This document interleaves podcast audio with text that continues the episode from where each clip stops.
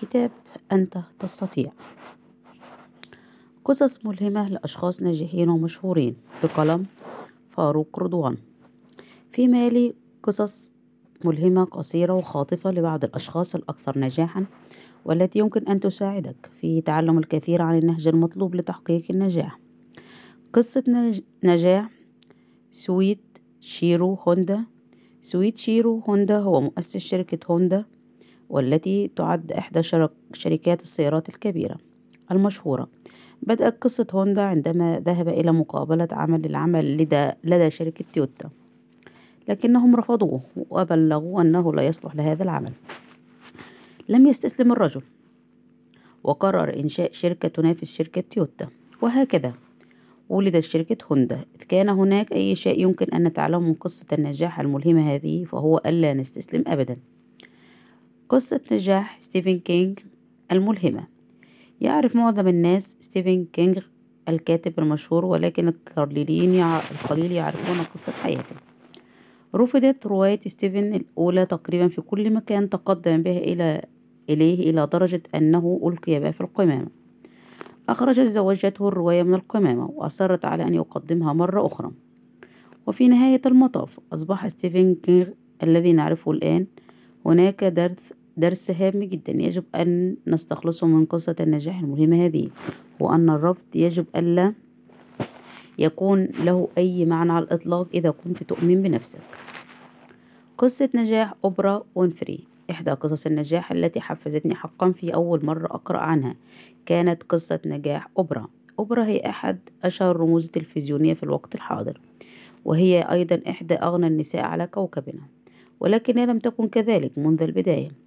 هل تعلم أن أوبرا طردت من عملها وقيل لها أنها غير مناسبة للعمل في التلفزيون في بداية حياتها المهنية؟ قصة نجاح بيل غيتس. بيل غيتس مؤسس مايكروسوفت هو أحد رجال الأعمال الكبار الأكثر إلهاما في هذه الأيام. ولكن هل تعلم أن فكرته لإنشاء جهاز كمبيوتر يحتوي على وجهة رسومية وفارة رفضت عندما قدمها للمرة الأولى لشركة أخرى؟ حتى أن بعض الناس تروي بأن أوراق المشروع ألقيت في وجهه والآن أصبح بيل غيتس. قصة نجاحي الشخصية. أنا لست رجلا ناجحا مثل هؤلاء الناس ولكن قصتي ملهمة بقدر قصصهم. ولكن السبب الذي يجعل من الواجب علي إخباركم بها بأنها ستجعلكم تستخلصون مفاهيم النجاح نفسها. عندما قررت للمرة الأولى أن أنشئ موقعا إلكترونيا وأكسب, وأكسب المال عن طريقه سخر مني الناس بمن فيهم أقرب الناس إلي. بعد سنوات قليلة وبعد التعرض للكثير والكثير من الرفض تمكنت من أن أصبح مليونيرا. من خلال شبكة الإنترنت في عمر صغير كنتيجة لبيع كتبي عبر الإنترنت. ما هي الدروس الحياتية التي نتعلمها من قصص النجاح الملهمة هذه؟ بالتأكيد أنا لا أخبركم قصص النجاح هذه بدافع التسلية وإنما أخبركم إياها من أجل إلهام وتحفيز وتشجيع الناس على النجاح في العمل أو المشاريع أو الحياة. أهم الدروس القيمة التي يجب أن تستخلصها من قصص النجاح الملهمة هذه هي الرفض يجب ألا يوقفك أبدا. الفشل ليس مشكلة على الإطلاق. الناس الذين يرفضوك لا يعرفون شيئا. الإيمان بنفسك هو المفتاح للنجاح في الحياة. تمكنت من أن أصبح مليونيرا عصاميا في سن الثامنة والعشرين وهذا لم يحدث عن طريق الصدفة وإنما لأني دونت هذا الهدف مسبقا. قبل خمسة سنوات من تحقيقه أن تصبح ثريا أمرا لا يتعلق بالحظ أو بأن تبدأ بداية كبيرة أو بأن تكون ذكيا وإنما الأمر برمته يتعلق بامتلاك قناعات معينة من عن المال والحياة. تعلم من أخطاء الآخرين فأنت لن تعيش بما فيه الكفاية لترتكب كل الأخطاء بنفسك. الثقة. يعاني العديد منا من عقدة الدونية ونفتقر إلى الجراءة. للتكلم لأننا مشغولون بالتفكير بما سيقوله الآخرون. الثقة هي المقدرة على التكلم بجراءة وبمعنويات مرتفعة وبحزم. لا تشعر بالدونية بسبب أي شيء فقد خلق الله كل منا بطريقة مميزة. علينا أن نحب أنفسنا وأن نقدر من نحن. عندما تبدأ بحب وتقدير نفسك سيبدأ الآخرون بمعاملتك بالمثل. لذا انهض وكن كما أنت. كن على حقيقتك. والأهم من ذلك تمتع بالثقة. لست بحاجتكم لأن تكونوا فخورين بي فأنا فخورة بنفسي. تسع نصائح لاتخاذ قرارات فعالة بقلم جنيد طاهر. من الصحيح أنك نتاج أفكارك وقراراتك الخاصة فأيا كان ما تقرر وتفعله في حياتك اليومية مرتبط بشكل مباشر أو غير مباشر بمستقبلك. وهذا يعني أنك من خلال قراراتك وأفعالك التي تقوم بها في حياتك اليومية تضع حجر الأساس لمصيرك بناء عليه ومن خلال النظر إلى الصورة متكاملة نكون محقين. عندما نستنتج أن اتخاذ القرارات ذو أهمية حاسمة لنجاحك وتحقيق أهداف حياتك. وفيما يلي قائمة بالعوامل المفيدة التي تحتاج أن تأخذها بعين الاعتبار عند اتخاذ قراراتك. واحد خذ بعين الاعتبار العواقب على المدى القصير وعلى المدى البعيد سواء كان القرار ماديا أو مسألة عائلية حساسة. فإنه عليك أن تأخذ بعين الاعتبار الفوائد قصيرة المدى والفوائد بعيدة المدى. اثنان قارن بين التكلفة والجودة إذا كانت المقارنة ممكنة. إذا كنت تنوي شراء شيء ما خذ بعين الاعتبار الأمر من منظور السعر والجودة فالمنتجات الرخيصة عادة ذات عمر أقصر ونوعية سيئة ولكن هذا ليس قاعدة دائمة. وللتعامل مع هذا الأمر حدد ميزانيتك ومن ثم حلل بعناية جميع الخيارات التي تسمح بها ميزانتك ثلاثة حلل الأمر هل هو حاجة أم رغبة؟ هل تشتري من أجل المتعة أم إنه شيء تحتاجه على المدى الطويل؟ تذكر أن هناك فرق بين المتعة والسعادة فأحيانا لا تستمر المتعة لفترة طويلة. لذا فإنك لا ترغب ترغب أن تنفق كثيرا من أجل متعة قصيرة الأمد. أما إذا كنت بحاجة شراء شيء ما عندها خذ بعين الاعتبار الفقرتين السابقتين. أربع خذ العواطف بعين الاعتبار إن هذا جانب حساس جدا حيث يجب أن تضع نفسك في مكان كل شخص لتتفهم مشاعره أو مشاعرها. أنت لا ترغب أن يتسبب قرارك بأذية مشاعر أحد. وبدلا من ذلك أنت تريد أن تبقى كل ما لك مصلحة. معه راضيا عاطفيا؟ الذكاء العاطفي هو فن تعلمه بالقراءة عنه ولفهم الناس يجب أن يكون لديك مقدرة حقيقية في الحكم على الناس. خمس خذ بعين الاعتبار أن تكون في علاقة ربح ربح وهي وجهة نظر متوازنة توصي دائما بأن يكون الجميع رابحين. ست خذ جميع الخيارات بعين الاعتبار. لا تجمد تفكيرك ضمن فكرة أو وجهة نظر واحدة. فكر في المزيد من الخيارات واطلب مشورة الآخرين حول الحلول الممكنة المختلفة للمشكلة أو الحالة التي أنت فيها. سبع اطلب النقد. إذا كان ذلك ممكنا نطلب النقد قبل تنفيذ القرار على الرغم من أنه لا يتأخر الوقت أبدا لطلب النقد.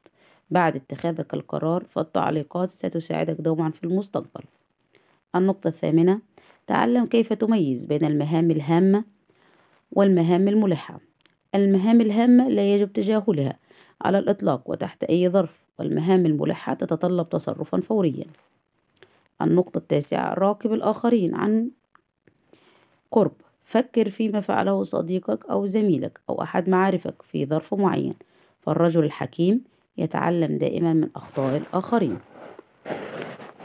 لقد لاحظت أن هناك عاملين لا يحسنون تحديد الأولويات بشكل ملائم وبالتالي يضيعون, يضيعون وقتهم وطاقاتهم في أمور أقل أهمية وأقل إلحاحا. وبما أنني أحب دوما أن أتبع نهجا تحليليا في حياتي فأود أن أشدد مرة أخرى على أهمية تحليل الوضع وتقييم الأمور بناء على مدى إلحاحها وأهميتها. رائدة الفضاء. قريبا ستضيف جينيت إبس اسمها إلى قائمة حصرية من النساء اللواتي سافرن إلى الفضاء. بقلم ميلودي وورنيك. مستحيل. هذا ما فكرت ما فكرت به جينيت إبس عندما اقترح شقيقها الأكبر مايكل أنه من الممكن أن تصبح رائدة فضاء. حدث ذلك في عام 1979 عندما كانت جينيت ذات التسع سنوات في منزلها في سيراكوز في نيويورك. وأعجب ميجيل ميشيل بتقارير الأداء المدرسية الممتازة التي أرته إياها مع أختها التوأم جانيت. تقول جينيت ذات ست وأربعون عاما الآن. العلم هو أكثر ما أثار اهتمامي بين جميع الأشياء لكن الوصول إلى ناسا لم يبدو كاحتمال وارد الحدوث إلى أن رأت ماي جيمسون أول أمريكية أفريقية سافرت إلى الفضاء على غلاف مجلة. جاءت وقال مجلة جيت وقالت وقالت لنفسها إذا كانت تستطيع فعل ذلك فربما أستطيع ذلك أنا أيضا. وهكذا. حصلت جينيت على درجة الدكتوراه في هندسة الفضاء ثم عملت في شركة فورد موتور ووكالة الاستخبارات المركزية. قبل قبولها في, في وكالة ناسا عام 2009 في صف فيه تسعة رواد فضاء. وبعد عقد من الزمن تقريبا من التدريب في مجال الروبوتات واللغة الروسية بحيث يصبح بإمكانها التواصل مع رواد الفضاء المتواجدين معها في المهمة. ستغدو أول أمريكية أفريقية تعيش وتعمل لمدة طويلة في محطة الفضاء الدولية. تعلم جينيت أن الفتيات الصغيرات بينهن بنات أختها اللواتي تتراوح أعمارهن بين خمس وست سنوات يشاهدنها وستأخذ معها بعض رسمتهن كتذكير بعالم لا يجب أن تفكر الفتيات فيه بكلمة مستحيلة إطلاقا. تقول جينيت أريد أن تؤمن الفتيات الصغيرات بالفرص الغير محدودة. وأضافت أريدهم أن يروني ويفكرن. أوه هذا بالضبط ما تقوم به النساء. الأمر الأهم كوني البطلة في حياتك وليس الضحية. خيانة. بقلم إلين دوغارتي. ثمن التذكرة مئتان سبعة وثمانون دولار. لكن كل ما تبقى يعتبر يعتبر مشكلة. أشارت إلى عربة الأمتعة الخاصة بي والمكدسة بالحقائب والصناديق وكيس كامل ممتلئ بالأحذية وقالت حقيبة واحدة مجانية وستدفعين مائة دولار عن كل حقيبة إضافية.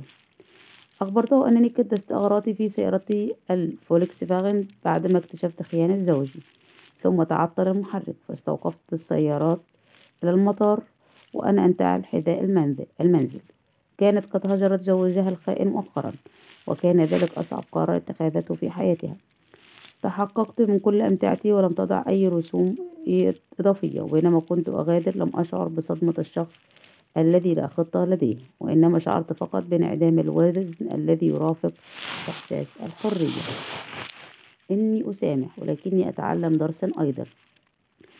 لن أكرهك لكني لن أقترب منك مجددا إلى درجة إلى درجة لدرجة تسمح لك بأذيتي فأنا لا أستطيع جعل مسامحتي لك تتحول إلى حماقة. انتهى التسجيل.